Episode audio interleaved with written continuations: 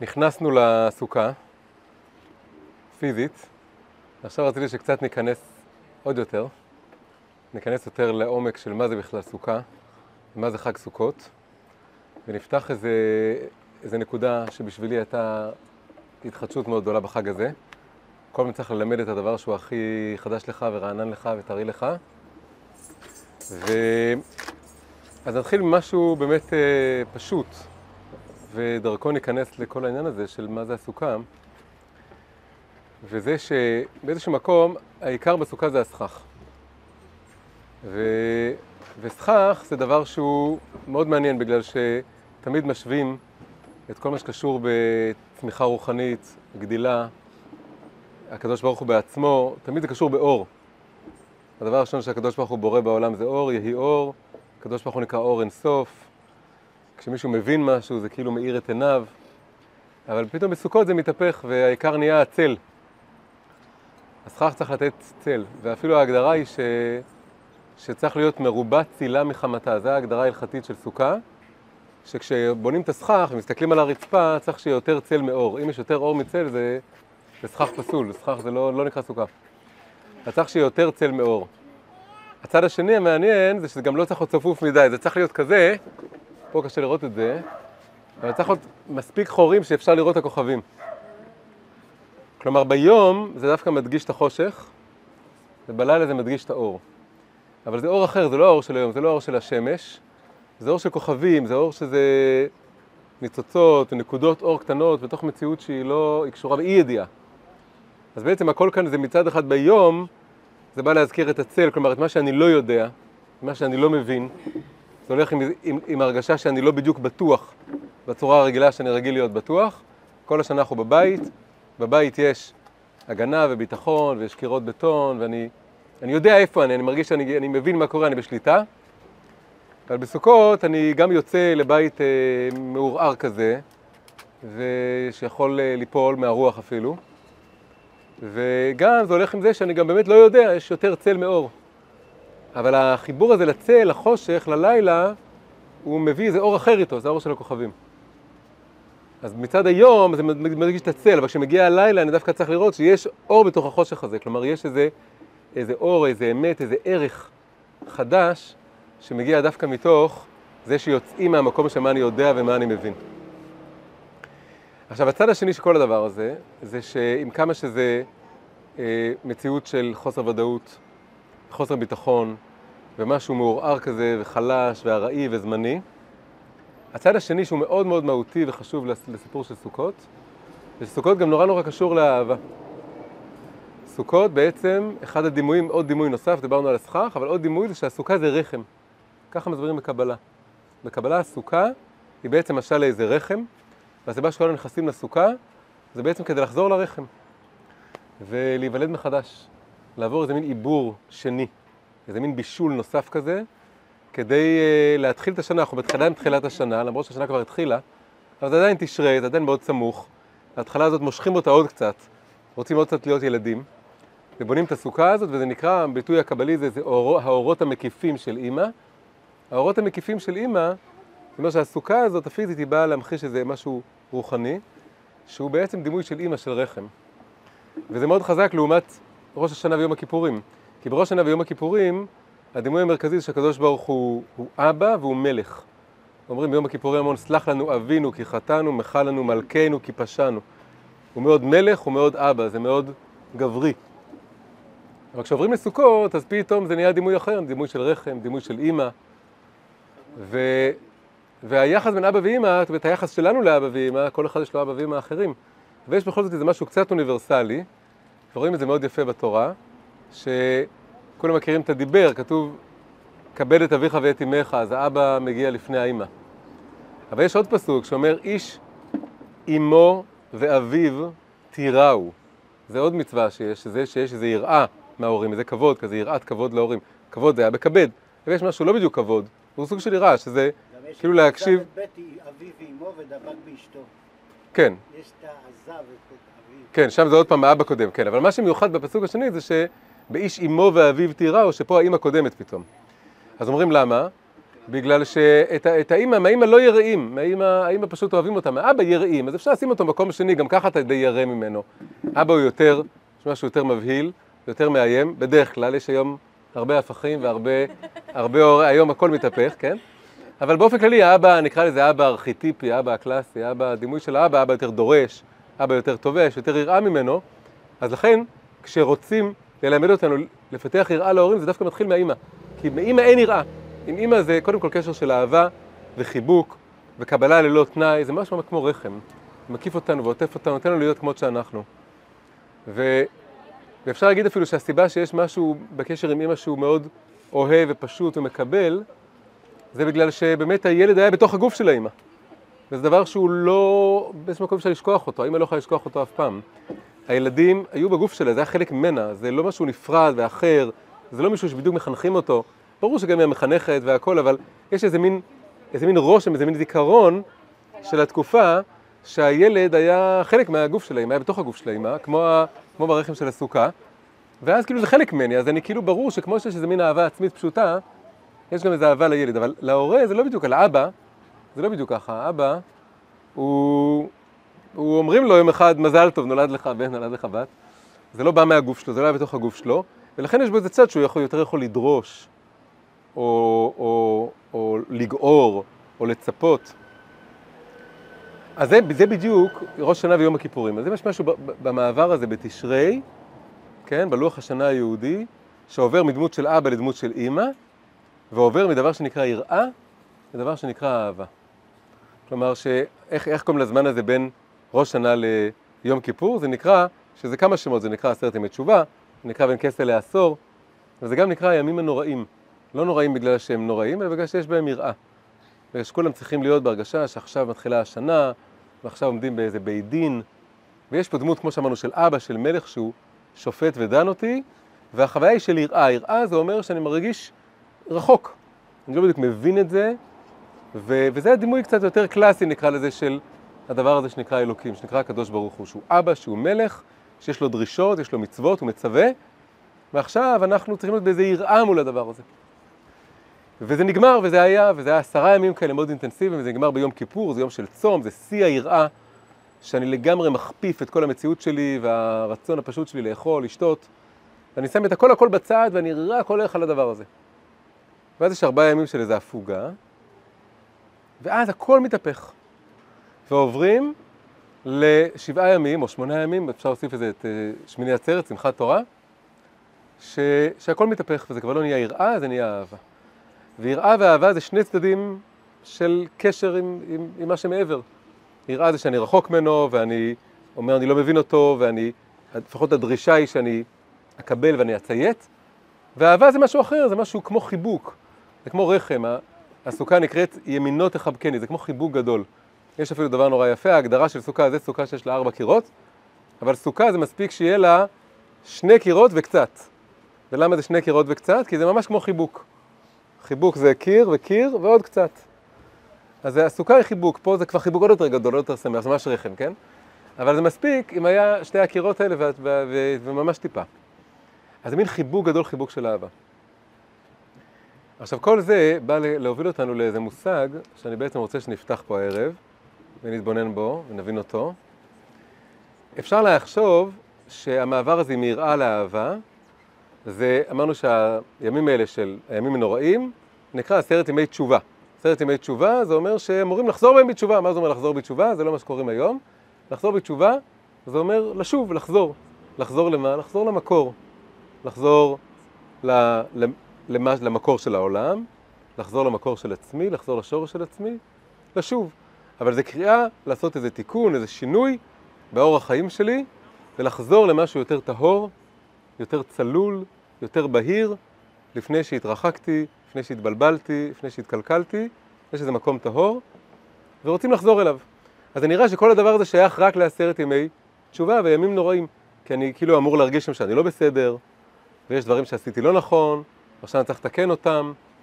ומי שמכיר את התפילות של אה, יום כיפור, יש בזה הרבה מאוד, מה שנקרא הכאה על חטא.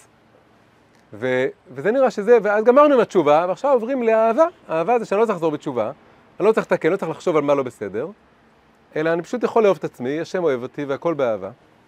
אבל יש שילוב נורא מעניין, וזה בעצם מה שאני רוצה שנכיר הערב ונפתח, כי זה בעצם יוצא מזה דבר מאוד מאוד עמוק ומעניין, שאני הרבה הרבה שנים לא הצלחתי להבין אותו בכלל, עד ממש לאחרונה שפתאום סוף סוף אה, האירו את עיניי, הצלחתי להבין את הדבר הזה. יש ביטוי שנקרא תשובה מאהבה. כלומר, שילוב. אז לפי ההסבר הראשון, רק עד יום כיפור זה הזמן לתשובה, ואז מתחיל הזמן לאהבה, ואז אפשר לשבת בכיף בסוכה. אבל אם מבינים שיש פה בעצם, יש תשובה מיראה, כלומר יש דרך לשוב אל מי שאני ואל אלוקים ואל השורש של כל הדברים באופן של יראה, ויש לעשות את כל התשובה הזאת, את כל התנועה הזאת, ממקום של אהבה. ואז יוצא שכל תשרי זה זמן של תשובה, רק זה שני סוגים של תשובה. ואז יוצא שגם סוכות זה זמן של תשובה, זה גם עוד, היה עשרת ימי תשובה, זה עוד שבעה ימים של תשובה, אבל תשובה אחרת לגמרי. תשובה שהיא לגמרי לגמרי אנרגיה ואווירה וסגנון שהם שונים ממה שרגילים ומכירים מראש שנה, מיום הכיפורים, מהדמות של הקדוש ברוך הוא כאבא ומלך, זה תנועה של תשובה באווירה אימהית, באווירה של רחם, באווירה של אהבה. ו- ועכשיו אנחנו צריכים להבין מה זה הדבר הזה. מה זה בעצם תשובה מאהבה, מה אומרים על הדבר הזה, וכמה שיותר פותחים את זה, אז ממש מתגלה משהו נורא נורא יפה. אז קודם כל נסביר את הדבר הכי פשוט. הדבר הכי פשוט של הביטוי הזה, תשובה מאהבה, זה שזה תשובה אה, ספונטנית. כלומר, עוד פעם, מה זה תשובה? התשובה זה שאני רוצה לחזור לשור, רוצה לחזור למקור, אני רוצה לחזור לאיזה נקודה בתוכי, ששם אני טהור, שלם, ואני מי שאני אמור להיות. מי שאני חי בעולם הזה זה לא מי שאני אמור להיות, זה לא מלוא הפוטנציאל שלי, זה לא מה שנקרא היום הגרסה הכי טובה של עצמי. הגרסה הכי טובה של עצמי, מה ש... שאחרים לא רואים אותו, וגם אני הרבה פעמים לא רואה אותו, ובתשובה אני רוצה לשוב אליו ולהתחבר אליו. ו... ו... ותשובה מהאהבה זה שאני עושה את זה בלי שאף אחד אומר לי. אני לא עושה את זה כי מישהו מצפה את זה ממני, אני לא עושה את זה כי מישהו מצווה את זה עליי, אני לא עושה את זה כי אני מפחד. גם כשאומרים יראה, אגב, לא מתכוונים לפחד מעונש. וגם לא, הכוונה היא איזה מין משהו יותר עמוק מזה, זה, זה יראה, יש כל מיני ביטויים, יש ביטוי יראת חטא, יראת רוממות, יש כל מיני סוגים יותר גבוהים של יראה. אבל עדיין זה יראה, עדיין זה פחד. עדיין זה איזה מין הרגשה של אני מרגיש שאני לא בסדר, ואני מפחד מההשלכות של זה והתוצאות של זה, או אפילו מהדבר הזה עצמו, אני מרגיש שאני במקום לא טוב וזה עושה לי איזה יראה, ואז אני מרגיש באיזשהו מקום כפוי לזה. אז, אז או שזה ממש אני מאמין שיש למעלה מישהו שמצווה את זה עליי ואומר לי לעשות את זה, ואני קצת מפחד ממנו, או שגם אני לא בדיוק הדבר שאני מחובר אליו, אני פשוט מפחד מלהרוס את החיים שלי, וללכת למקומות לא טובים. כך או כך סוגים של פחד. אבל תשובה מאהבה זה משהו אחר לגמרי. תשובה מאהבה זה אומר שאני עושה את זה רק נטו מתוך זה שאני רוצה משהו יותר טוב. ואני רוצה את זה באמת. וזה מאיר לי, וזה משמח אותי. ואני, ואני רוצה להיכנס לאיזה חלל שקט, כמו סוכה כזאת, ואני רוצה לגדול מחדש, ואני רוצה לגדול באווירה, ומתוך, גם אני רוצה להתייחס לעצמי כמו שאימא שלי מתייחסת אליי, אימא, אימא טובה, אימא אוהבת, כן, לא אימא כועסת. ואני רוצה לחבק את עצמי, אני רוצה לאהוב את עצמי, ואני רוצה עכשיו שאני אוהב את עצמי, כמות שאני, אני יכול לאהוב את עצמי בלהיות עוד יותר טוב מי שאני כרגע. כן, אהבה שלמה זה שאני גם אוהב אותך כמות שאתה, ואני גם מאמין שאתה יכול להיות הרבה יותר טוב אפילו. אני רוצה שיהיה לך עוד יותר טוב, עוד יותר שמח. שתגדל ותממש כל הפוטנציאל שלך. אז זו תשובה מאהבה קודם כל ברמה הכי פשוטה. תשובה מאהבה זה בעצם רצון להשתנות לא מתוך אילוץ או לחץ או כפייה או הרגשה שאני אמור לעשות את זה, שזה בעצם חיצוני לי, אלא מתוך הרגשה שזה עולה מתוכי, צומח מתוכי, ו... ולא אכפת לי מה, מה יגידו, אני פשוט רוצה לעשות את זה. ויכול להיות אגב שזה בדיוק אותו דבר שכולם מעירים לי וצועקים עליי שאני לא בסדר בו, אבל אני לא עושה את זה עכשיו בגלל שהם צועקים עליי, אני עושה את זה בגלל שאני בעצמי הגעתי למסקנה שזה לא בסדר, שזה מאוד מאוד שונה. ויכול להיות שאחרי זה הם יגידו, או, סוף סוף הקשבת לי. שיגידו מה שהם רוצים, אני יודע שזה לא בגלל זה. זה בגלל שאם כבר, זה שהוא צעק עליי והעיר לי וגער בי, זה, זה בסוף גרם לזה שזה איכשהו חלחל, ואני קלטתי שאני בעצמי מסכים עם זה, ואז אני עושה את זה. זה תשובה מאהבה. יש איזה פסוק ממש יפה וחזק, שאומר ש... זה פסוק בנביאים, בנביא ירמיה, שהוא אומר שלעתיד לבוא, זו תהיה התשובה. כלומר שכל הדיבורים שהתנ"ך מלא בהם, שהקדוש ברוך הוא גוער ומאיים ואומר שהוא יעניש ומסביר שעם ישראל לא בסדר, מוכיח אותם, כל התוכחות, בעצם יעבור זמנם. הפסוק הזה אומר ככה, הוא אומר, עד מתי תתחמקין הבת השובבה, הקדוש ברוך הוא דרך הנביא פונה לעם ישראל, קורא לנו בת שובבה, ילדה שובבה שהיא רצה לכל מיני מקומות. הוא אומר לה, עד מתי תתחמקין הבת השובבה, עד מתי תברחי ממני? אני כל הזמן צריך לשלוח נביאים, שופטים, שיגידו לך שאת לא בסדר, יוכיחו אותך ואת בורחת בורחת. ואז הוא אומר, המשך הפסוק, כי ברא השם חדשה בארץ, הולך להיות מציאות חדשה יום אחד, ואז הוא קורא לזה, וזה ביטוי מאוד מוזר, אתם מבינים מה הוא אומר, כי ברא השם חדשה בארץ, נקבה תסובב גבר. נקבה תסובב גבר זה נשמע מוזר, אבל הכוונה היא נורא פשוטה. הכוונה היא יום יבוא, הפשט, האישה תחזר אחרי האיש. במקום שהאיש יחזר אחרי האישה, האישה תחזר אחרי האיש, אבל מה זה אומר בהקשר של הפסוק? הקדוש ברוך הוא פה כאילו הבעל, אנחנו כאילו האישה. במציאות התנכית הוא צריך לרד... לרדוף אחרינו, הוא מחזר אחרינו, ואומר נו נו נו מתי תחזרו בתשובה, אבל העתיד לבוא זה יתהפך, ואתם תרוצו אחריי ותחפשו אותי, לא כי אני צועק עליכם, לא כי אני שולח נביאים, לא כי אני כועס, אלא כי אתם מעצמכם תרגישו געגוע למשהו יותר עמוק ויותר פנימי, ותרגישו שאתם מחפשים משהו יותר, מחפשים את האמת, מחפשים את החיבור הכי עמוק של הנשמה שלכם, שזה בעצם אליי. ו- ותדעו לכם שיום אחד זה יהיה, ואני מחכה. אני מחכה שהבת השובבה, היא תעשה, היא, היא, היא, היא תעשה ש- שובבה, זה כמו לחזור בתשובה, אבל, אבל כאילו הפוך, כן? במקום שהיא תהיה שובבה, היא, היא תשוב. היא תהיה באיזו תנועה של שיבה. כל הדימוי הזה שהאישה פה עושה מין, אה, כל הביטוי הזה נקבה תסובב גבר, בקבלה זה הרבה הרבה סודות, שעכשיו ציון אה, נצנץ לנו קצת מזה, אבל זה נושא עמוק.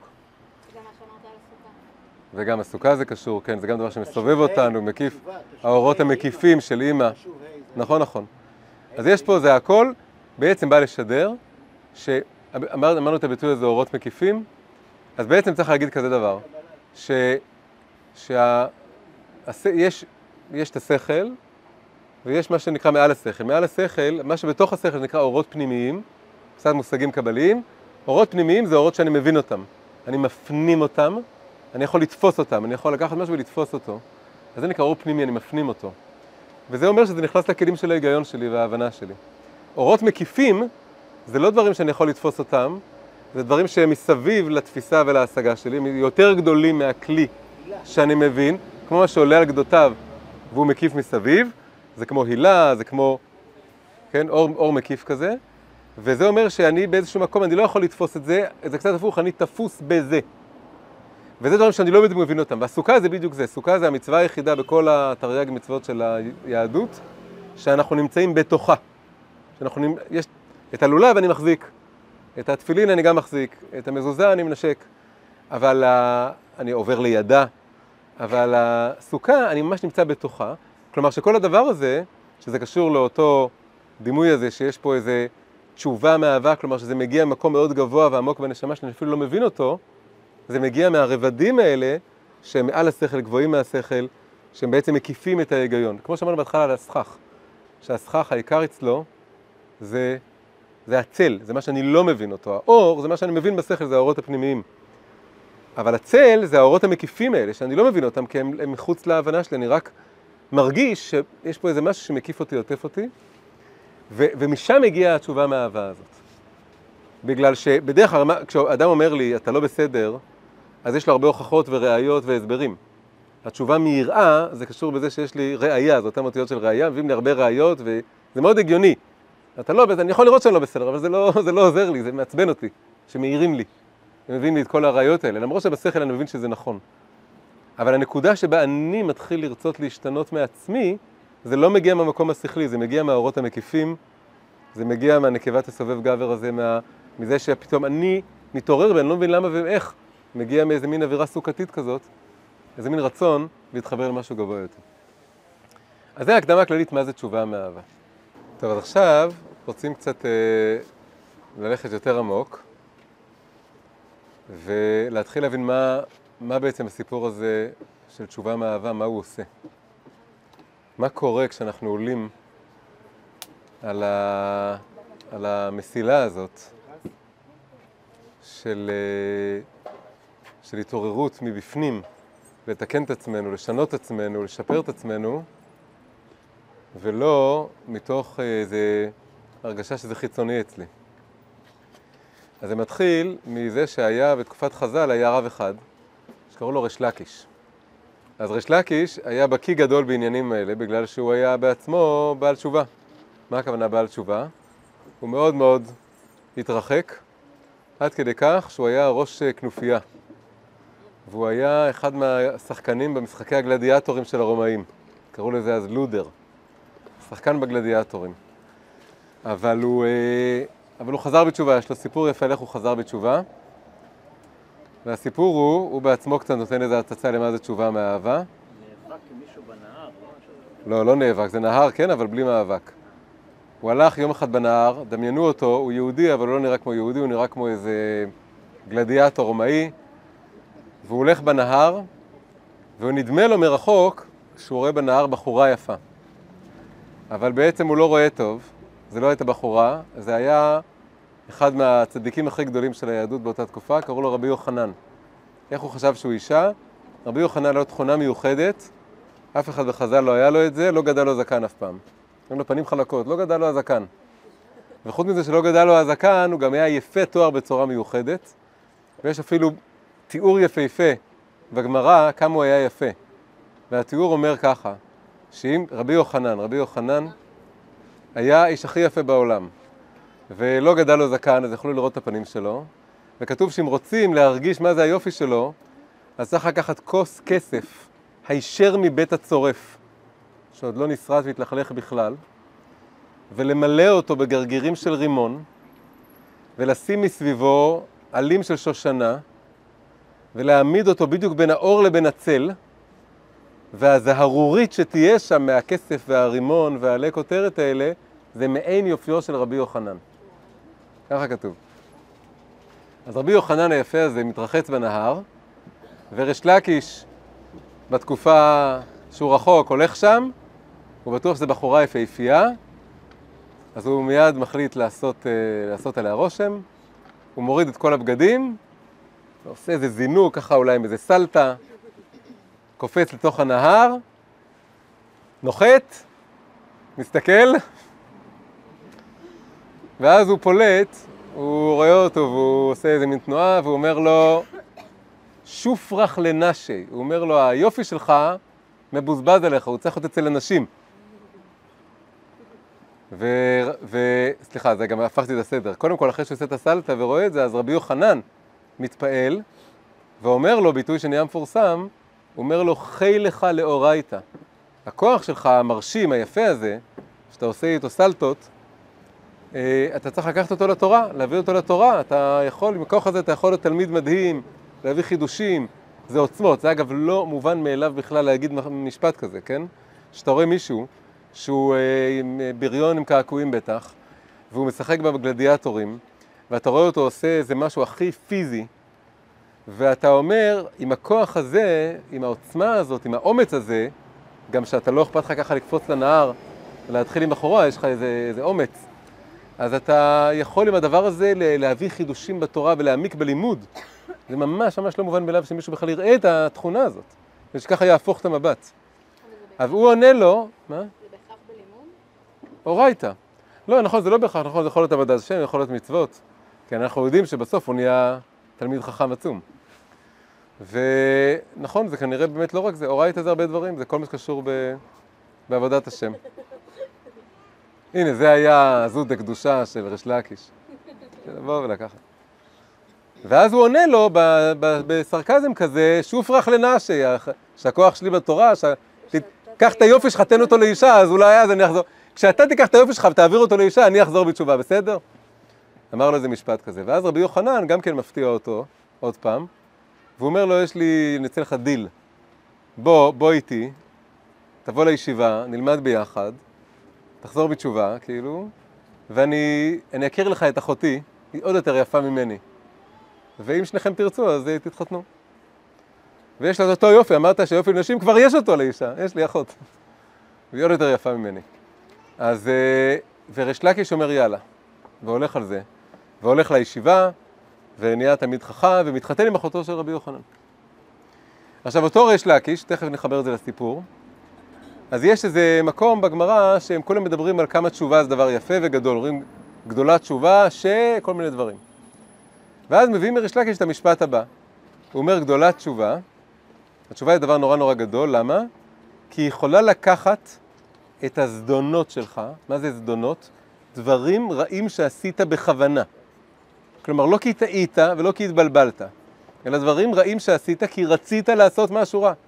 כלומר, רצית, באת ממקום אגואיסטי, באת ממקום יצרי, באת ממקום אנוכי, והחלטת לעשות משהו רק לעצמך, או משהו לא טוב. לא טוב לאנשים אחרים, לא טוב לקדוש ברוך הוא, לא טוב לעולם, לא טוב לעצמך. אבל ידעת מה אתה עושה ועשית את זה, זה לא היה איזה... וזה יכול לקחת, ורטרואקטיבית, להפוך את זה כאילו זה רק היה שגגה. כאילו עשית את זה בטעות. זה גדולה תשובה, שיכולה לקחת את הזדונות ולהפוך אותן לשגגות. ואז תמהים על זה, הגמרא זה מין דיאלוג בין המון המון קולות, אז אומרים, מה פתאום, אני שמעתי משהו הפוך. שמעתי שריש לקיש אמר משהו הרבה יותר קיצוני מזה. שמעתי שריש לקיש אמר שהתשובה היא יכולה לקחת את הזדונות, וזה משפט מאוד מוזר, ולהפוך אותם לזכויות. כלומר, לקחת את הדברים הרעים שעשית בכוונה, בדעה צלולה, ורטרואקטיבית להפוך אותם כאילו עשית מעשה טוב. כאילו בעצם מה שפגעת בעצמך, הועלת לעצמך. מה שפגעת בעולם, הועלת לעולם. מה שפגשת מישהו אחר, הועלת לו. מה שעשית נגד הקדוש ברוך הוא, זה היה מעשה טוב. להפוך את זה רטרואקטיבית להיות דבר טוב. אז האמירות האלה הן סותרות. קודם כל, האמירה הראשונה היא הגיונית, השנייה היא לא הגיונית, היא מאוד מוזרה. ודבר שני, אה, הן סותרות, זה לא אפשר להגיד את זה ביחד. אז אומרים נכון, ריש לקיש באמת אמר את שניהם, אבל הוא התכוון לשני סוגים שונים של תשובה. כשהוא אמר שתשובה יכולה להפוך את הזדונות שלי לשגגות, הוא התכוון לתשובה מיראה, וכשהוא אמר שהתשובה יכולה להפוך את הזדונות לזכויות, הוא התכוון לתשובה מאהבה. ובזה נגמר, זה קטע מאוד קצר.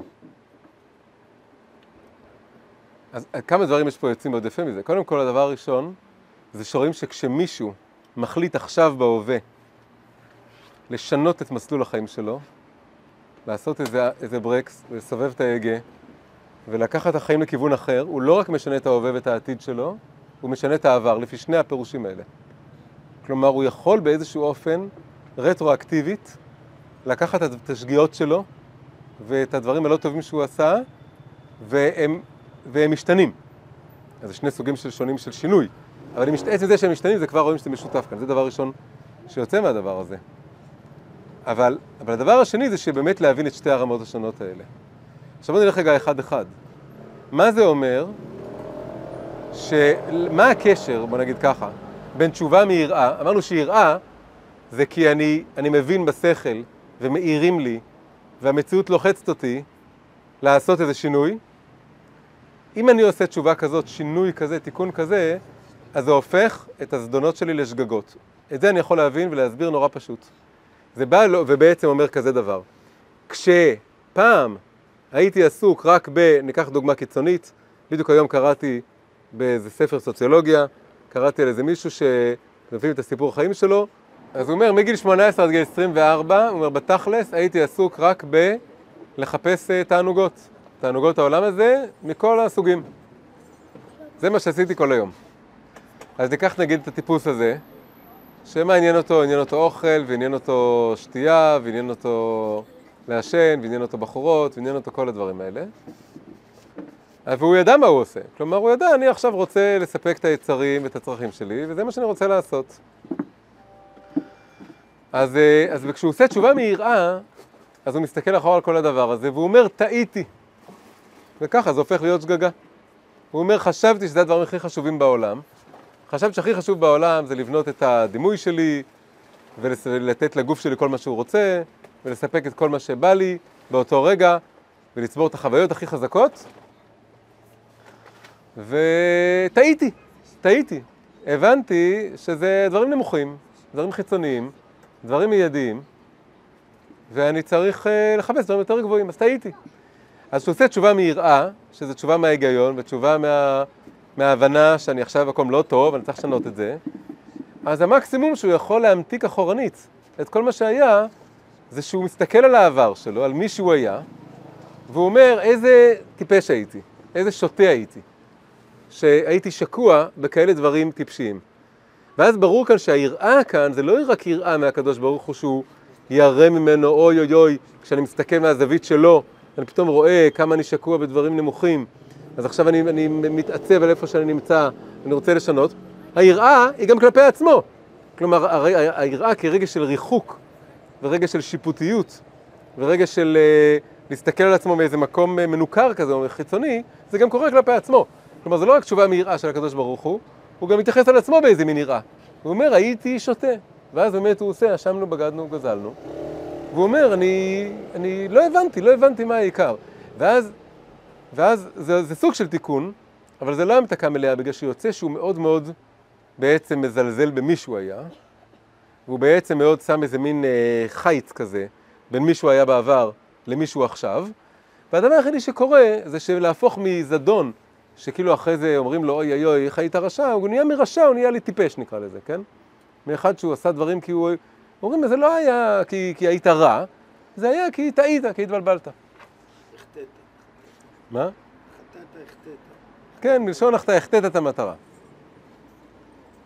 אבל כשבא ריש לקיש ואומר שגדולה תשובה, שהזדונות נעשות לו כזכויות, שזה בא מתוך תשובה מאהבה, זה ממש אמירה שהיא כבר, היא יוצאת מגדר, היא יוצאת כאן מגדר ההבנה. איך דברים רעים שעשיתי, שליליים שעשיתי, איך כל אה, שית התענוגות שאותו בן אדם הקדיש את כל השנים האלה, איך כל הדבר הזה שבהם הוא כאילו, קודם כל בזבז זמן, דבר שני בזבז את האנרגיות שלו, דבר שלישי מן הסתם פגע בכמה אנשים בדרך, שזה בדרך כלל קורה כשיוצאים למסע כזה, איך כל הדבר הזה נהיה זכויות. וזה ברור, זה מאוד ברור שכדי להבין את זה אנחנו נכנסים פה, חייבים להיכנס לאיזה סוכה. כלומר זה באמת צריך לעבור מהימים של עשרת ימי תשובה, מיראה, לימים של, לימים של סוכות.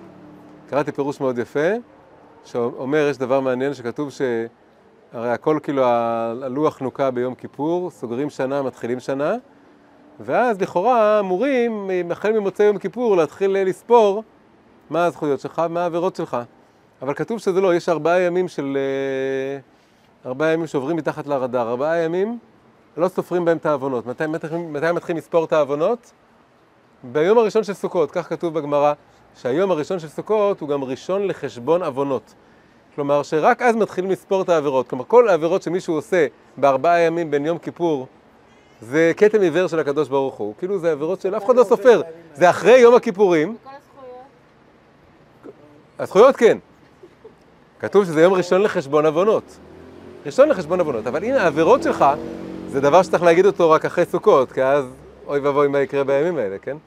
אולי הם מלאים בלקנות ארבעת המינים, בלבנות סוכה ולעשות המון דברים, לעשות סעודה אחרי יום כיפור. בכל מקרה, זה מין ימים כאלה מאוד מוזרים. אז ההסבר שקראתי אומר, רגע, מה, למה, מה ארבעה ימים האלה אין עבירות? מישהו יכול ללכת ואני יודע בחס ושלום לעשות דברים נוראים? אף אחד לא, אף אחד לא סופר את זה? אז אומרים, בגלל שהכל האור שם, בעולם, זה עדיין רק תשובה מיראה, אז לא רוצים להזכיר עוונות. מחכים שייכנס סוכות, ייכנס תשובה מאהבה, עכשיו אפשר להתחיל לספור את העוונות, למה? כי אפשר להתחיל לעשות איתם משהו יותר מאשר רק להפוך אותם לשגגות. אפשר עם האור הזה של תשובה מאהבה, לעשות להם איזו טרנספורמציה הרבה יותר עמוקה. אז מה זה אומר? שתשובה מאהבה הופכת את הזדונות שלי, שעשיתי בדעה צלולה, מתוך זה שרציתי להיות, סתם לעשות מה שבא לי, רק לחשוב על עצמי, איך זה נהיה זכויות? אז אני חושב שאפשר להבין את זה בכמה צעדים נורא פשוטים. צעד ראשון, קודם כל זה אומר עליי דבר נורא מעניין, זה אומר שלא טעיתי. בעין של תשובה מיראה אומרים טעית, התבלבלת, היית... לא יודעת מה אתה רוצה. אז קודם כל פה יוצא שלא טעיתי. אם לא טעיתי זה אומר שהיה איזה אמת וערך אמיתי במה שחיפשתי בו, באותן עבירות. תסתכלו, זה אותן עבירות. רק שבעין של תשובה מיראה, אומרים, בסדר, התבלבלת. אבל בעין של תשובה מאהבה אומרים, אתה לא, אתה לא התבלבלת, אתה חיפשת משהו טוב. כמו שבתשובה מיראה זה לא רק יראה מהקדוש ברוך הוא, זה גם יראה כלפי עצמי, תשובה מאהבה זה גם כן אהבה כלפי עצמי. לא הייתי, לא הייתי רשע בוודאי, זה כבר סלחתי לעצמי, הייתי טיפש. אבל לא רק, לא רק שהייתי טיפש, הייתי נשמה שוחרת טוב. חיפשתי. כשהלכתי וטרפתי אוכל מאכלים, חיפשתי למצוא שם איזה ניצוץ קדוש ואלוקי, איזה אור אלוקי, דרך הטעם של האוכל. כשחיפשתי חוויות וסמים, חיפשתי להרגיש, איזה, להרגיש את הנשמה שלי. כשהייתי עם כל מיני בחורות, חיפשתי לראות אה, איזה יופי, איזה חיבור, איזה מגע, איזו תחושה של, של ש, שאני פורט את הגבול של מי שאני, ואני נזכר שאפשר להתחבר לנשמה אחרת, וזה באמת מה שרציתי. עדיין יש פה מימד של טעות. גם הסוכות מגיע אחרי עשרת ימי תשובה. צריך את שני הדברים האלה, והיראה צריך דווקא לבוא לפני האהבה. אבל רק כשנוסף התשובה מאהבה, אני יכול לבוא עם איזה לימוד זכות, עם איזה עין טובה על עצמי, ולראות שבכל העבירות ובכל העוונות ובכל הזדונות האלה, עם כמה שהם היו על פני השטח דברים נורא נורא שליליים, אני בעצם בעצם, בעומק שלי, הנשמה שלי, חיפשה, ביקשה את הקדוש ברוך הוא. היא חיפשה להרגיש שיש משמעות לדברים, ויש איזה אור שמאיר בתוך הדברים, שהם לא רק הדבר החיצוני. וזה באמת מה שחיפשתי. הטעות שלי הייתה, ולכן זה הולך יחד עם התשובה המהירה שהיה פה טעות, הטעות שלי הייתה שחשבתי שזה נמצא רק בסיפוק הצרכים, ורק במרדף אחרי תענוגות, ורק בלעשות מה שבא לי, ורק בלנסות להדיר את עצמי, או בלנסות לעשות כל מיני דברים כאלה. זה היה הטעות. אבל הערך הפנימי, התוכן שחיפשתי, היה מאוד מאוד אמיתי. ואז כשאני פתאום מסתכל אחורה על כל הדברים האלה, ואני מבין שמה שבעצם חיפשתי בהם היה לגדול, להתחבר לנשמה שלי, לחבר את הנשמה שלי לקדוש ברוך הוא, וזה מה שחיפשתי, במה שזה לא יהיה. אז כשאתה מסתכל אחורה, ואתה רואה את כל הזדונות שלך, בעין של תשובה מהאהבה, כלומר שאתה לא עושה את זה כי אתה מרגיש רע, אלא אתה עושה את זה כי אתה מתחבר לצד הטוב שבך, ואתה רוצה להגדיל אותו ולהעצים אותו, ואתה מסתכל באותה עין אוהבת של אימא, של הסוכה, של הרחם, של החיבוק, על עצמך, אתה יכול גם לחבק את האני מהעבר שלך שהיה במקום הרע הזה, ועשה את הדברים הרעים האלה, ולסלוח לעצמך, ולראות שחיפשת, בעצם, חיפשת תשובה, חיפשת חיבור, חיפשת, חיפשת בעצם את הקדוש ברוך הוא בכל מיני צורות, גם לא ידעת שזה באמת מה שאתה מחפש. ואז, אה, ואז אתה מבין, ואז זה נהיה, ואז זה נהיה זכויות. כי זה נהיה חלק מהחיפוש, נהיה חלק מהמסע. וזה נהיה דבר שאותם דברים רעים שעשיתי, המעשה לא היה טוב. אבל אם אני מצליח לבודד ולזקק את המניע של המניע, המניע היה, אמרנו, זה זדון. זדון זה שאומר, אני במחשבה, במה שאני הזדתי, חשבתי, במזיז, ברובד השכלי שלי, אז אני חשבתי לעשות, סתם לעשות מה שבא לי. אבל הכוונה של הכוונה, המניע של המניע, היותר עמוק הנשמתי, האור המקיף של הסוכה, שפעל שם בתוך המניע הזה, אז, ואם אני מזקק ומעלה אותו, אז זה נהיה זכות. זה נהיה, זה היה חלק מהמסע של הגדילה שלי, של החיפוש שלי. שמעתי לאחרונה סיפור נורא נורא יפה. התארחתי ב... ביום כיפור אה, אצל איזו אישה מבוגרת, בעלת תשובה מהדור של פעם, משנות ה-70. ו... והיא הייתה בחיפוש מאוד גדול, והיא נסעה לאירופה והלכה למנזרים נוצרים. היא הלכה למנזרים, היא הייתה האורחת הראשונה שלהם איזה 25 שנה, כי היא חיפשה יהודייה. גדלה בברוקלין, אבל היה לה איזה רעב רוחני מאוד גדול, הגיעה לכל המנזרים האלה באירופה, לא מצאה את מנוחתה ושלוותה, נסעה להודו, הלכה לכל מיני מנזרים שם. זה לא שנות ה-90, זה שנות ה-70 המוקדמות, כן? ו... ובתקופה הזאת הלכה וחיפשה, ואחרי כל המסע הזה חזרה לשכונת ילדותה בברוקלין, שקוראים לשכונה הזאת קראון הייטס, שזו השכונה שלאט לאט לאורך השנים האלה הפכה להיות המרכז השוקק של, אה, של חב"ד. זה היה גם כשהיא הייתה ילדה, אבל זה עוד היה רק מעט אנשים, וזה הלך וגדל. ופתאום, אחרי כל הסיבוב הזה שהקיפה את העולם פחות או יותר, היא גילתה את היהדות מחדש ואת החסידות, התחילה לחזור בתשובה. אחרי שהיא הייתה שם בערך חודש, אז אמרו לה, תכתבי לרבי, לרבי מלובביץ'. אה, תספרי לו את כל הסיפור, ואיך הגעת לפה, ועכשיו את פה בקהילה. והיא כתבה מכתב ארוך. והיא כתבה לו את כל המסעות עם כל הנצרות, ונצרות זה נקרא עבודה זרה, וגם כל ההינדואיזם זה גם נקרא עבודה זרה. והיא סיפרה לו את כל הדברים האלה, היא אומרת, אני חשבתי שמגיע לי איזה מין אה, 70 אלף חייב מיתה על כל העבודה זרה, אבל התשובה של הרבי הייתה מאוד מאוד קצרה ויפה, ו... ובמילים ספורות המתיק אחורנית את כל הדבר הזה.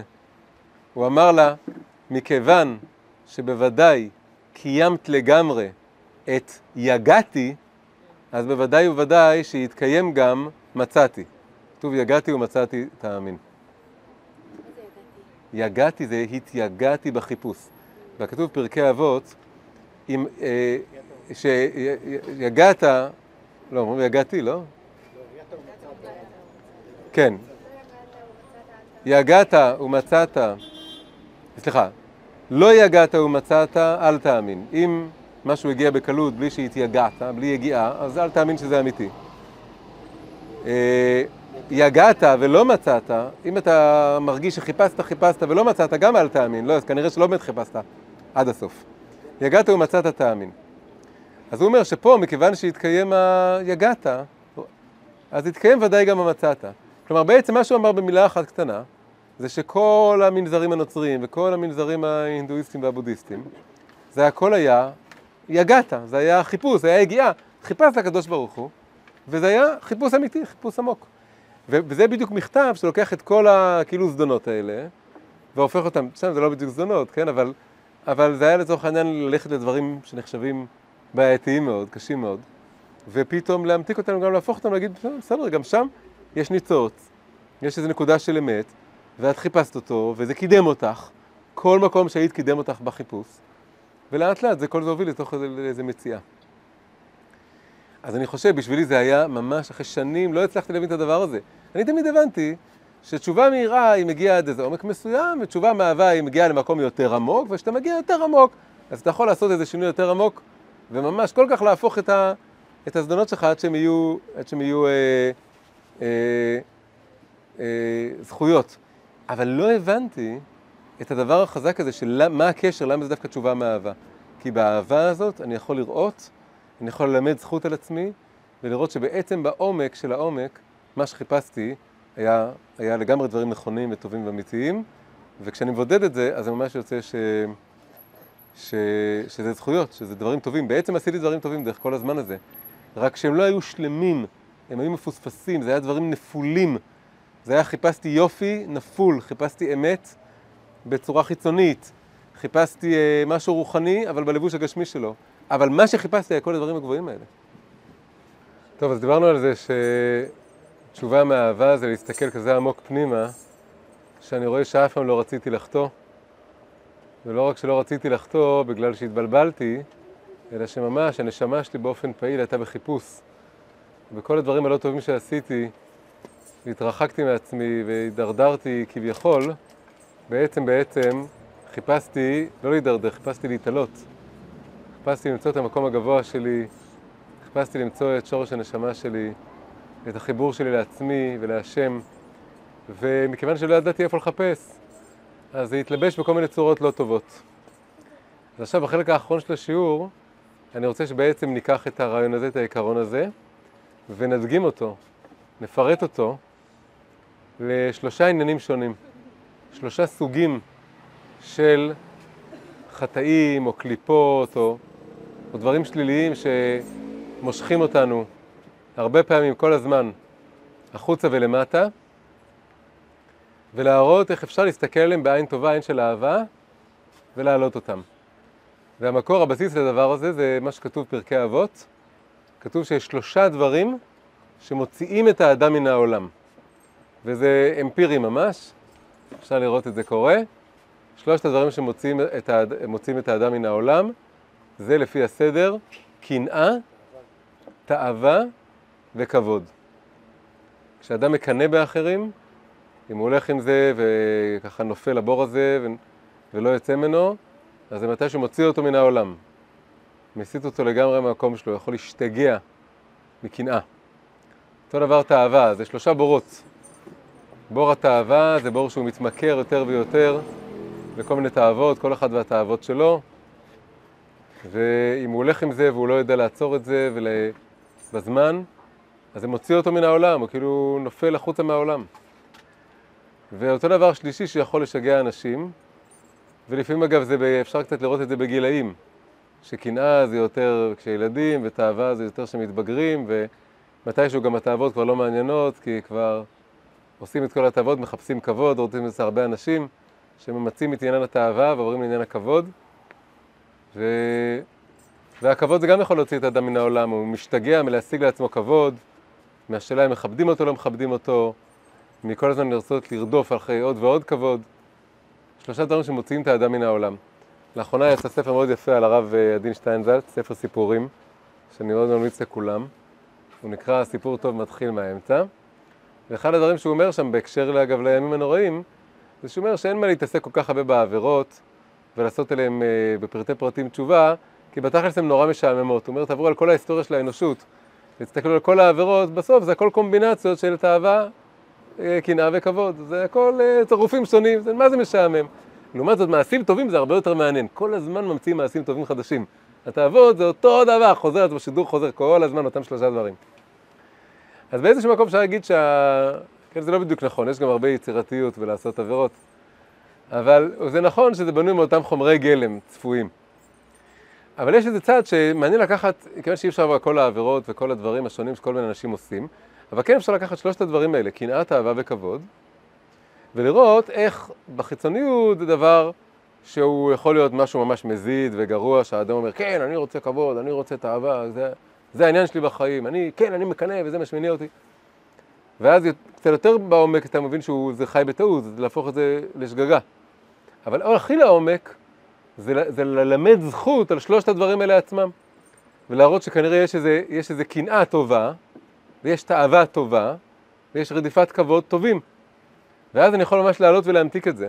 ואז אפשר לקחת שאני מוצא בתוכי שיש בי את של... אחד משלושת הדברים האלה, אז אני לא רק יכול להגיד, לא, לא, לא, זה לא דבר טוב, זה טעות, בוא נלך על הדבר העיקרי שזה ההפך מזה.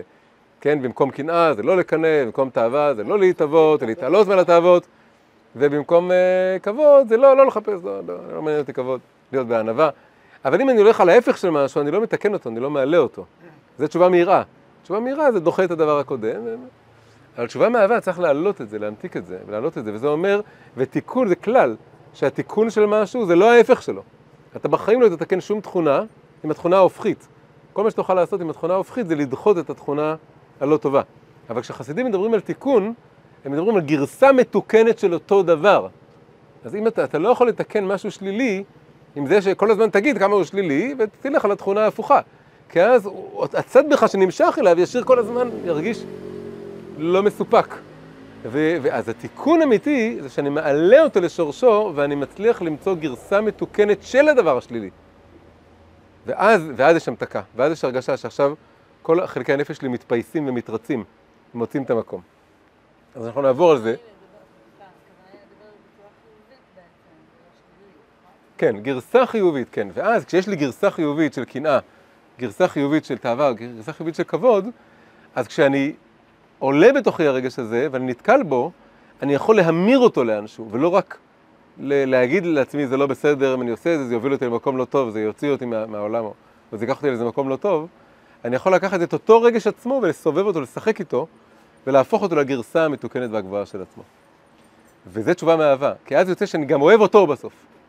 אני אוהב בתוכי את החלק שמקנא ותאה ורודף כבוד, ו- והאהבה הזאת היא מה שיכולה להפוך דברים. עם היראה אני יכול לעשות המון המון דברים, אבל לא להפוך. זה נקרא, זה שתי התנועות האלה בנפש, זה לא אמרנו את זה, אבל היראה והאהבה, זה שתי תנועות בנפש שנקראות, זה מילים בארמית, אבל זה עם שורש בעברית גם, נקרא איתקפיה ואיתהפכה. איתקפיה זה לקפוץ משהו, להוריד אותו, לדחות אותו, ואיתהפכה זה להפוך אותו. אז עכשיו, כדי לעשות את הדבר הזה, אז אני קצת, אה, אני צריך להביא איזה מודל, איזה מודל קבלי, ואפשר ללמד אותו הרבה הרבה הרבה שיעורים, אנחנו נגיד אותו בקצרה, ו, וזה יהיה טעימה. ו... אבל זה, זה גם דבר שהיה לי תוך כדי הכנת שיעור, זה הכי כיף, שפתאום מתחדש לך איזה משהו, שהמודל הקבלי הזה בדיוק עוזר להסביר את זה, ואז, ואז פתאום הכל נפתח מאוד יפה. אז המודל הקבלי הזה אומר כזה דבר, אנחנו דיברנו על הסוכה, דיברנו על הסכך, אמרנו שזה מעל השכל, אמרנו שזה לא דבר של אור, דבר של צל, כלומר זה דבר שאני לא בדיוק מבין אותו, אלא יותר גבוה. אז כל. השם לכל הדבר הזה, לחלק הזה שהוא מעל, ה... מעל הרובד הרציונלי והשכלי שלי, שייך לשורש הנשמה שלי, קוראים לזה בקבלה הכתר שלי. לכל אחד יש פה כתר, הכתר זה שורש הנשמה, כמו שאתה לא רואה את הכתר של עצמך או הכובע של עצמך, ככה אתה לא רואה את השורש נשמה שלך, הוא נסתר אפילו מעצמך, אבל שם התכונות הכי עמוקות שלך, שם הגרעין, וזה יכול להאיר לתוך הנפש, אתה יכול למשוך אורות מהדבר הזה.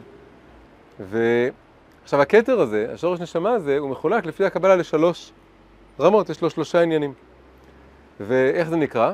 אז מלמעלה למטה זה נקרא אמונה, המקום הכי הכי גבוה בכתר זה אמונה, זה בעצם נקודת החיבור שלי עם הקדוש ברוך הוא, אמונה זה גם מלשון אמנה, ברית וחיבור, זה נקודת ההשקה שלי עם האלוקות. אז זה אמונה, המקום הכי גבוה זה הדבר הכי הכי נעלם, מתחת לזה זה נקרא תענוג.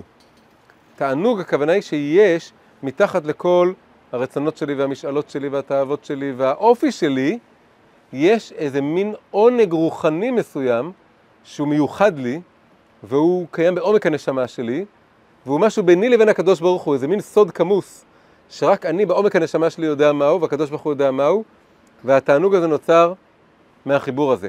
אז, אז יש קודם כל את האמונה, נקודת החיבור, ומזה יורד, משתלשל, סוג של תענוג מסוים, שזה בעצם החן המיוחד של הנשמה שלי, נקרא לזה, כן? זה התענוג הזה, היופי הזה. וזה מסביר למה נשמה מסוימת מעניין אותה מוזיקה, ונשמה אחרת מעניין אותה אה, מדע, ונשמה אחרת, כי יש לה איזה נקודת תענוג אחרת בנשמה. אז מהאמונה יורד התענוג, ומהתענוג יורד עוד דבר שנקרא רצון. רצון, הכוונה היא, זה השורש, זה רצון הרצונות. זה השורש של כל הרצונות שאני הולך לפגוש בחיים שלי. גם הרצונות הטובים, גם הרצונות הלא טובים. הם כולם מגיעים מאיזה רצון, הרצון של הנשמה זה בעצם הייעוד שלה והשליחות שלה, למה היא רוצה לרדת לעולם. כולם נכנסים לתוך הדבר הזה שנקרא על מודע. כלומר, הם, אף אחד מהם הוא לא בשכל, שלושתם מעל השכל. הרצון האמיתי של הנשמה שלי, אם אני, אם אני הולך מלמטה למעלה, אז, ואני חוקר את זה, את עצמי, ואני מנסה להבין את עצמי, אני יכול לראות שכל הדברים בחיים שלי בעצם משתלשלים מאיזה רצון. אני עכשיו הולך לכיוון ההפוך. יש איזה רצון לנשמה שלי, שזה הסיבה שירדתי לעולם, איזה שליחות. מאיפה בא הרצון הזה? הרצון הזה בא מהתענוג של הנשמה שלי, מהדבר, מאותה חן ויופי מיוחדים, מהכישרון המיוחד שלי, שאותו אני רוצה להביא לעולם. ומאיפה בא הכישר... הכישרון הזה, החן הזה, התענוג הזה, הוא מגיע מהאמונה. הוא מגיע מנקודת החיבור שלי עם הקדוש ברוך הוא. אז כן, אז זה המבנה. עכשיו, מה שהתחדש לי היום, זה ששלושת הדברים האלה מקבילים מאוד יפה, הם השורש של הקנאה, התאווה והכבוד מלמטה למעלה. כלומר שכל הקנאות הלא טובות שלי הן בעצם משתלשלות, אני עכשיו אומר את זה רק ראשי פרקים ואחר שאני אסביר.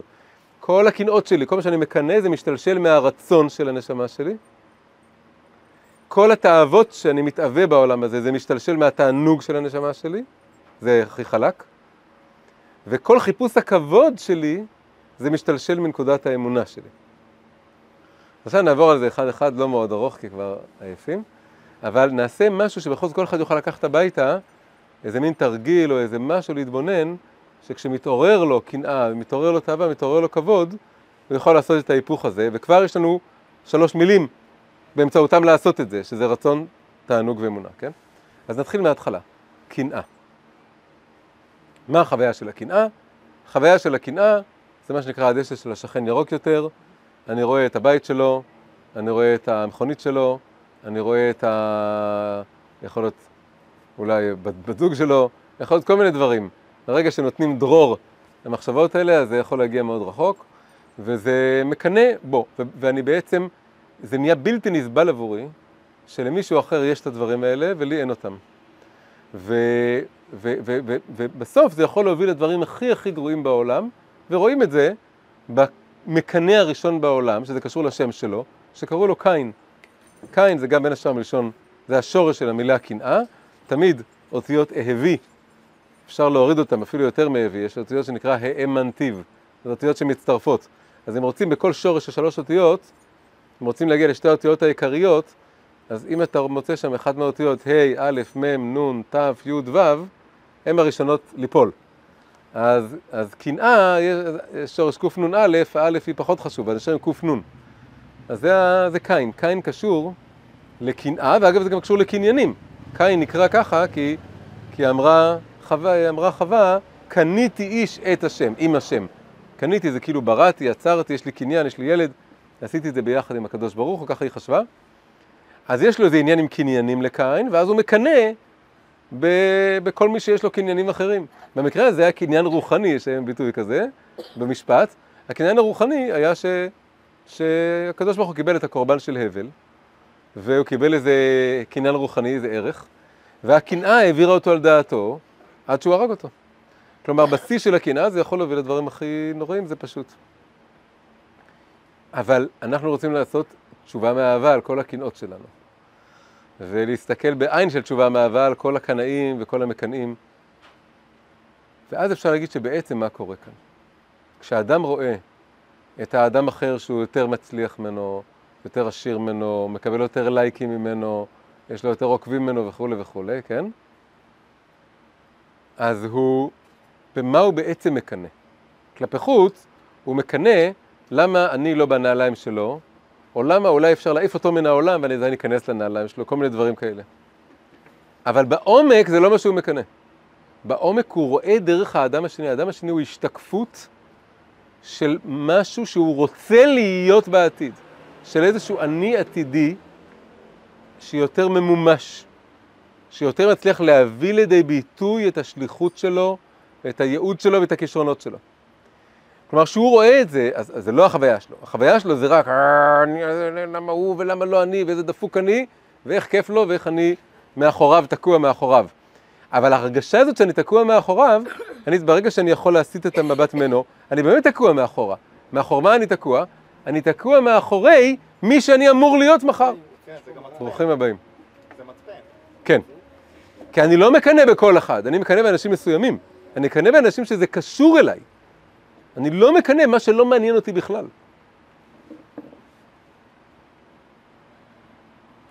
ו, והקנאה הזאת היא בעצם באה לעורר אצלי את ההרגשה שאני יכול לעשות יותר, לבנות יותר, ללמוד יותר, להתקדם יותר.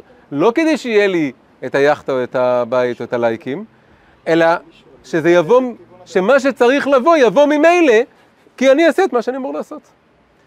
אז, אז זה בעצם יש פה איזה לבוש חיצוני שמזכיר לי את הרצון שלי. הרצון שלי זה כשעד שנגמור את החיים שלי, אני אוכל לב... להוריד לעולם את השליחות שלי והייעוד שלי והאורות שלי והכישרונות שלי והמתנות שאני צריך להביא לעולם, שאני אוכל ללמוד כל מה שאני צריך ללמוד, ללמד כל מה שאני צריך ללמד, לעשות כל המעשים טובים, ולעשות איזשהו, מה שזה לא יהיה, כל אחד עם השליחות שלו.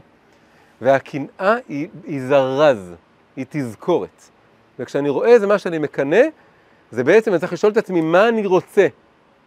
לא, אני לא רוצה את הלייקים ואת הזה, אני רוצה, מה, כשאני, הוא, למה הוא מקבל את הלייקים? הוא מקבל הד. למה הוא מקבל הד? הוא מקבל הד בגלל שהוא עושה את מה שהוא אמור לעשות. אני עושה מה שאני אמור לעשות? אה. אה, ואז זה מתחיל להיות, ואז להתחיל לעבוד עם זה. ו, אבל אם אני רק אומר, אל תקנא, אל תקנא, אל תקנא, תתעסק ב... אז זה מין, אני רק מסיח את הדעת, אז זה חוזר. זה לא עוזר. אבל אם אני יכול למנף את זה באיזו צורה כזאת, אז קורה פה משהו הרבה יותר, הרבה יותר מעניין. אז זה העלאה והתהפכה של הקנאה, דרך ההבנה שהקנאה משקפת משהו מהרצון של הנשמה. סליחה? כדחיפה. השראה, דחיפה, זרז, לבוש חיצוני, שמראה לי איך נראה כשמישהו הולך על הדברים שלו, אז גם הוא מקבל על זה הד מהמציאות. וכשאני רואה את כל הפידבק שהוא מקבל מהמציאות, בין אם זה בצורת כסף או בצורת כבוד או בצורת מה שלא יהיה, אז אני, זה מזכיר לי ש, ש, שכשאני מחובר לדבר הזה, אז גם הדברים יתפשטו ויעירו וירחיבו, ויהיה אור חוזר, יהיה אור חוזר של הכרה, של, של הערכה, של מה שצריך להיות. כמובן, כן, עכשיו יש איזה ביטוי, בדיוק יש פסוק, קנאת סופרים תרבה חוכמה, זה הגרסה המתוקנת של קנאה. מה זה אלקנאי? הרבה חוכמה גם להם, לסופרים וגם... לכולם. קנאת סופרים, כן, כן, נכון. קנאת סופרים זה קנאה טובה, זה שאני אומר, קנאת סופרים זה קנאה של חוכמה, כאילו, אה, הוא למד, למה הוא למד, אני גם רוצה ללמוד יותר. זה קנאה חיובית שאני מנתב אותה למקום של, אה, שמדרבן אותי ללמוד ולעבוד ולהתפתח. אוקיי. עכשיו, תאווה. אז מה זה תאווה? אנחנו יודעים מה זה תאווה. יש פה דברים מעוררי תאווה, ויש דברים במקומות אחרים עוד יותר מעוררי תאווה, ותמיד אפשר לחפש עוד ועוד. ובתאווה אני מנסה להשביע איזה חלל. יש איזה רעב, יש איזה צמא, ואני מנסה להשביע אותו ולמלא אותו.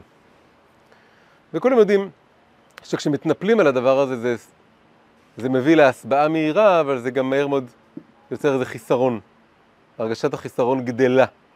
אחרי שחוויית האטימות והסוג של טמטום שזה יוצר, כן? טמטום זה מלשון אטימות. כשאני נותן את החלל בהסבעה מיידית ומהירה של התאווה, אז אני יוצר גם איזה מין טמטום, כלומר קהות בנפש, קהות בקוף, כן? שמשהו נהיה, יש ביטוי בחסידות, טמטום המוח, טמטום הלב, שמשהו נהיה כחושים. כשאדם רודף אחרי תאוות, הוא נהיה יותר ויותר כחושים, כמו שאנחנו רואים בחושים שלנו. ו... וגם פה אבל יש איזו העלאה לכל הדבר הזה. מה זה אומר שבשורש הנשמה, בעומק הנשמה, מעל הרצון שלי, יש דבר שנקרא תענוג. כשאני שומע את המילה תענוג סתם ככה, זה נשמע דבר לא טוב. נשמע דבר נמוך, נשמע דבר חיצוני, נשמע דבר חולף. אבל כשהקבלה אומרת שבשורש הנשמה יש דבר שנקרא תענוג, היא לא מתכוונת לתענוגות כאלה. היא מתכוונת לתענוג רוחני, פנימי, חשאי, מאוד מאוד עמוק. שקשור כמו איזה נצנוץ של איזה יהלום סודי שקיים אצלי בפנים, והוא עונג מאוד מאוד דק. דק שבדקים, הוא פנימי מאוד. אחד ההסברים הכי יפים למה ההבדל, עכשיו, ואז לפני שאני אגיד את זה, אז בעצם צריך להגיד כזה דבר, שכשאני, צד אצלי מתעורר ורוצה לרדוף אחרי תענוגות מסוימים, אז צריך לשאול את עצמי, מה הנקודה הפנימית שבאמת באמת מענגת אותי שם, ולהתחיל לקלף ולגלף ולזכך עד שאני, עד שאני מצליח להגיע אליה. לראות את הת... התענוג החיצוני, התענוג הפיזי, הוא הלבשה, הוא לבוש של איזשהו תענוג, איזושהי נקודה שמשמחת אותי בתוך הנפש. ואז אני יכול להתחיל לעדן את האופן שבו אני מגיע אל הדבר הזה. אפילו, זה, זה, קודם כל זה עבודה יומיומית באוכל, זה עבודה יומיומית בעניינים של מה שנקרא תשמיש המיטה, שזה הקשר בין איש ואישה. כל הזמן לעדן ולעדן ולעדן, כדי לא לבוא לזה ממקום שהוא אה, מתנפל, חוטף, מנכס, בועל. כל המילים האלה זה מילה שבאה בעצם לקחת. אבל אם יש פה איזה חיפוש, איזו שאלה, שבאה להקשיב לאוכל, להקשיב לבן זוג, להקשיב לנוף, להקשיב לכל דבר ולראות מה הנקודה הפנימית שמחיה אותי כאן, ואז אני קודם כל התנועה משתנה, מתנועה שלוקחת לתנועה שגם יש בה נתינה, יש בה הקשבה, ויש בה חיפוש, ויש בה חיזור, ויש בה שיחה, ויש בה, כי אני מתחיל בעצם להתחיל לעדן ולעדן ולעדן ולשאול מה הנקודה היותר פנימית שאני מחפש כאן, כי זה התענוג האמיתי, וזה גם התענוג שיישאר איתי ולא ישאיר אותי ברקנות, כשאני רק מילאתי את עצמי ברמה הכי מיידית, שטחית. Hmm? גם בעשייה זה ככה, כן. אם אני רוצה להגיע רק לסיפוק של להגיע לתוצאה ולקבל איזה מחיאות כפיים, אני לא מתמלא מזה. אני מתמלא מזה לטווח נורא נורא קצר. אבל אם אני מתחיל להבין יותר לעומק מה אני עושה פה, ולקחת יותר איזה זמן, ולהפוך את זה, וזה הכל תהליך של איזה מין עידון. יש איזה, יש איזה קצת אה, הקבלה כאן, בספירות רואים את זה, שאמרנו שהכתר יש לו, התענוג הוא אחד לפני האחרון, כן? בספירות למטה, אז הספירה אחת לפני האחרונה נקראת ספירת היסוד. ספירת היסוד קשורה לאיבר הברית של הגבר, שיש, במצב המולד שלו יש עליו עורלה. והמצווה הראשונה בחיים של בן זכר יהודי, זה שהם מוריד, מסירים את העורלה הזאת, וזה בעצם לא פעולה חד פעמית, זו פעולה שכל הזמן, גם גברים וגם נשים צריכים לעשות אותה לגבי התאוות שלהם. העורלה הזאת היא כאילו איזה מין, איזה מין, איזה מין, אה, משהו מחוספס חיצוני, שבעצם זה קריאת כיוון או התחלה של תנועה של עידון. זה לעדן את הנקודה הזאת של ה... שהיא תמצית התאוות, וגם תמצית הנקודת החיבור עם, ה, עם הזולת המרכזי, שזה האישה. והעורלה זה אומר, העורלה זה מצב שבו אני, זה כיסוי, זה מצב שבו אני מאוד מרגיש את עצמי ופחות מרגיש את זולתי. והסרת העורלה זה שאני פחות מרגיש את עצמי ויותר מרגיש את זולתי. ואז זה, זה בעצם יוצר איזה מין תנועה שעושים אותה לתינוק וכן הלאה, אבל הרעיון הוא כאן שזה זה קריאת כיוון לכולם. קודם כל, עורלה זה לא רק שם, עורלה זה, מלתם את עורלת לבבכם, יש אה, אוזניים ערלות בהקשבה. עורלה זה שיש איזה לבוש שאוטם אותי. יש עורלה על השפתיים, ערל שפתיים. אז כל העורלות האלה הם בעצם איזה מין נקודות של אטימות, או חספוס, או חוסר רגישות. מסך. ואז צריך להסיר את העורלה זה מסך, צריך להסיר אותו כדי להגיע להקשבה יותר פנימית, הרגשה יותר פנימית, מגע יותר פנימי. וזה לא רק עורלה אחת, זה כל הזמן עוד עידון על עידון על עידון. אז יש גם את המושג שנקרא עורלה גסה ועורלה דקה. כלומר שכל פעם יש משהו עוד יותר דק, עוד יותר, כל פעם עוד יותר בדקות. אז, אז הרעיון כאן, ש, ואז ההקבלה כאן היא שספירת היסוד מקבילה לתענוג, התענוגות הגשמיים משקפים את התענוגות הרוחניים, וכמה שאני יותר מעדן את האופן שבו אני ניגש למישור החומרי, ככה אני יכול יותר ויותר להגיע ולהתחבר לנקודה של התענוג הפנימי. אז אחד ההסברים הכי יפים להבדל בין תענוג חיצוני לתענוג פנימי, או תענוג אה, גשמי של הגוף ותענוג רוחני, זה שכשאני מתענג על אה, עוגה נגיד, כן? אז אני מתענג על, על החומר שלה, על, על איך שהיא מתפשטת כלפי חוץ, על הנפח שלה, על איך היא טופחת, על כל מה שחיצוני. על, זה נקרא במיל, במילה החסידית, אני מתענג על היש שלה, על כל מה שיש ונמצא והעסיסיות שלה וכן הלאה. אבל התענוג הרוחני, הוא נקרא, זה תענוג על העין, באלף. העין שבכל דבר. נקודת העין, זה הנקודה, זה כמו איזה חור, איזה חלל, ששם הרוח נושבת, שם, שם הנשמה מפעמת. זה לא דבר שאפשר לתפוס אותו, להבין אותו, לחוות אותו, זה בחינה של עין, ועל זה התענוג. למשל, כשאני קורא שיר, אז התענוג הכי גדול זה על הדבר שלא הבנתי, ואני לא בדיוק מבין אותו, אני לא יכול לשים עליו את האצבע. כן, יש שירים חיצוניים שכל העניין זה הקצב וה... ואז אני מתענג על, על היש, הכל גלוי, הכל ברור, זה מפעיל אותי בצורה שאני מבין איך זה מפעיל אותי, ועל זה אני מתענג. אבל יש דברים שאני קורא איזה פואמה, ואני קורא אותה שוב ושוב, כי אני לא מצליח להבין אותה, וזה התענוג שהוא הרבה יותר רוחני ועמוק, בגלל שהוא, אני, בעצם אני מנסה לתפוס בדבר שאני לא בדיוק מבין מהו. כי זה מהדהד אצלי איזה נקודה שאני לא מבין מהי, שזה אותו תענוג שהוא בבחינת עין, הוא כאילו דבר שהוא איננו, הוא ישנו, אבל הוא איננו, הוא כמוס, הוא לא מובן. הכתר. כן, יש מאין, עין מזל לישראל, יש הרבה דברים. כן, כן. זה כתר. כן, העין, כן, זה הרובד הזה, כן, הר- הרובד הזה נקרא, נקרא רישא דעין, הוא נקרא בחינה של עין, בנ- ב... זה בדיוק הרובד הזה. לכל אחד יש שם, כל אחד מהרבדים, והרובד של התענוג הוא נקרא הראש של העין. זה שלושה ראשים נקרא, זה נקרא הראש של העין. אז בקיצור, אז הרעיון הוא כאן שבכש... אז, אז בתשובה מאהבה על כל התאוות שלי, זה שכשחיפשתי מה שזה לא יהיה, את כל תאוות תענוגות העולם הזה, זה לא מה שחיפשתי. חיפשתי את הנקודה הפנימית שלהם, חיפשתי את הנקודה הרוחנית שלהם, שנמצאת שם בעומק, ואני יכול עכשיו, כשאני מבין את זה, להתחיל לחפש אותה בצורה ישירה יותר. אחרי זה אני גם אראה אותה מתלבשת. היהדות, כידוע, היא לא דת של אה, נזירית כזאת ופרושית כזאת, כן? אנחנו לא רוצים להתנזר לא מיחסים גופניים ונישואין ולא ממאכלים, ו, ואנחנו מאוד מקדשים את החומר, אבל רוצים להגיע לכל החומריות הזאת מתוך הנקודה הרוחנית, זה כל ההבדל. אוקיי, ועכשיו הדבר השלישי והאחרון, אמרנו שכבוד. אז על כבוד יש תורה של רבי נחמן.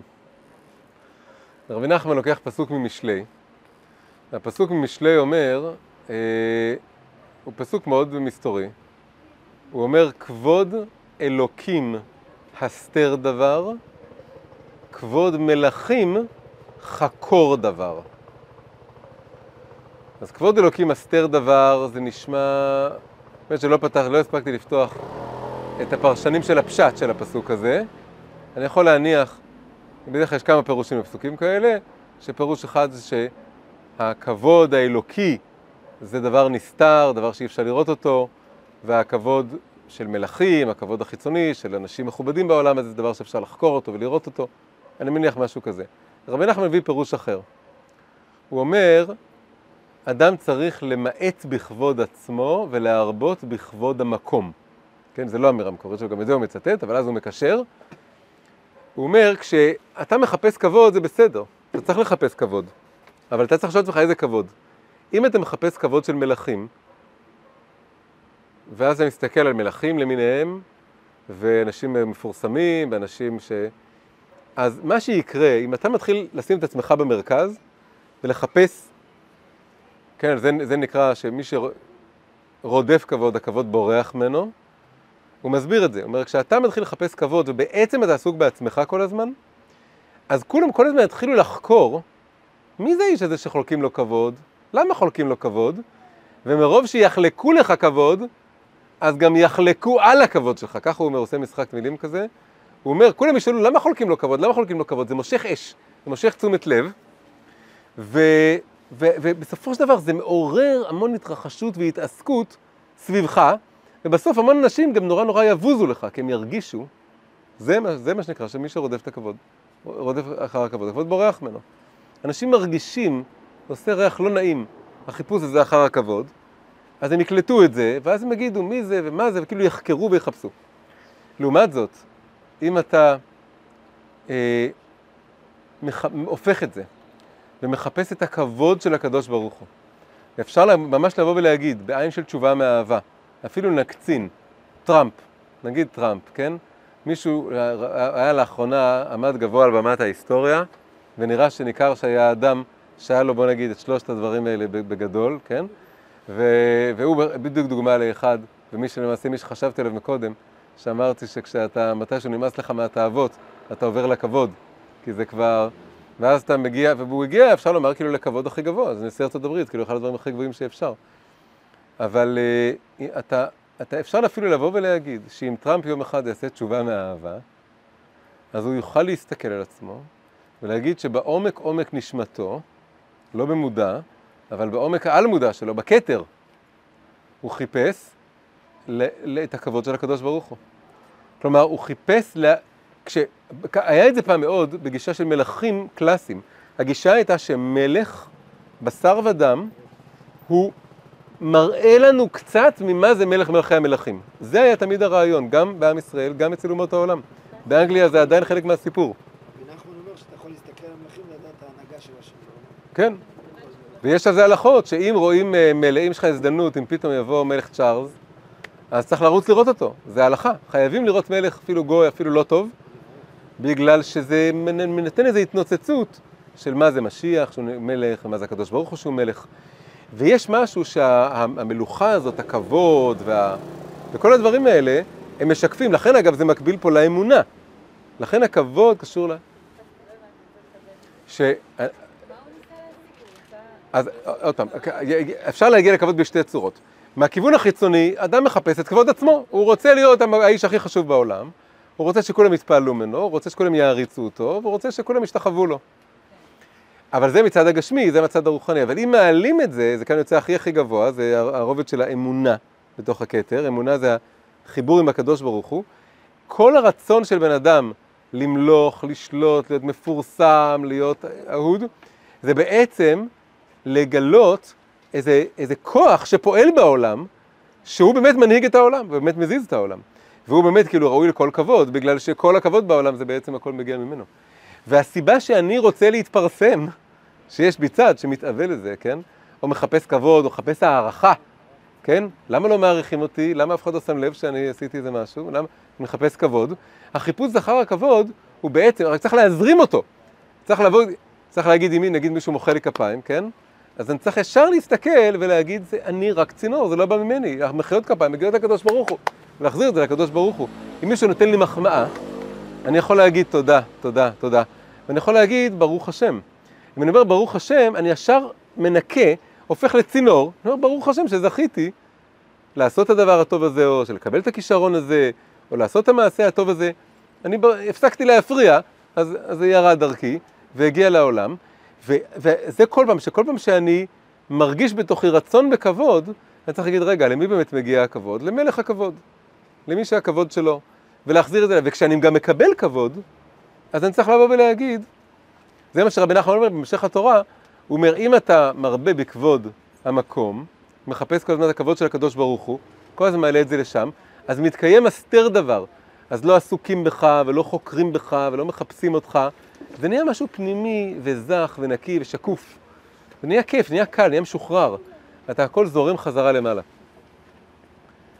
אז זה העלאה של הכבוד. העלאה של הכבוד זה כשאני מזהה בתוכי את המקום שרוצה כבוד, ואני אחזיר את זה להגיד, הקדוש ברוך הוא לך מגיע הכבוד. ובאמת אני רוצה לכבד אותך ולהעלות אותך, ואם מכבדים אותי, אז אני מעלה את זה אליו, ואם לא מכבדים אותי, אני אומר, טוב, בסדר, זה גם באמת לא באמת מגיע לי. אני הייתי רק שליח, הייתי רק פה איזה מישהו שעזר פה, ותמך, ויש איזה כוח גדול שפועל דרך כולנו. ואז אני משתחרר מה, מהתלות בזה, ומהחיפוש אחרי זה, ו, וזה, וזה עולה לנקודה של, ה, של האמונה. אז זה שלושת הדברים שמוציאים את ה... ואז אפשר להגיד שאחרי שלקחתי את הקנאה והתאווה והכבוד והעליתי אותם, אז אפשר להגיד שעכשיו הם מוציאים אותי מן העולם, אבל במובן חיובי. הם מוציאים אותי מהעולם החיצוני, מלהיות שקוע בעולם הזה. עולם זה גם לשון העלם שמסתיר על מה שבאמת קורה. אני משתחרר מכל הדברים האלה, ואני יוצא מן העולם במובן טוב. וקודם אמרנו את זה במובן לא טוב, שזה כאילו אני הולך לאיבוד. אני נופל לבור, אבל אפשר להגיד שזה גם בסוף מוציא אותי מעולם באיזו צורה טובה, אני לא תלוי בעולם. אני לא תלוי לא, ב, לא בכבוד ולא בתאווה ולא, ב, ולא באחרים שאני מקנא בהם. אז אה, לחיים, לחיים. וסוכות שמח. מה? אומר, זה לא עבודה של יום. מה, ברור, ברור לגמרי לכל החיים.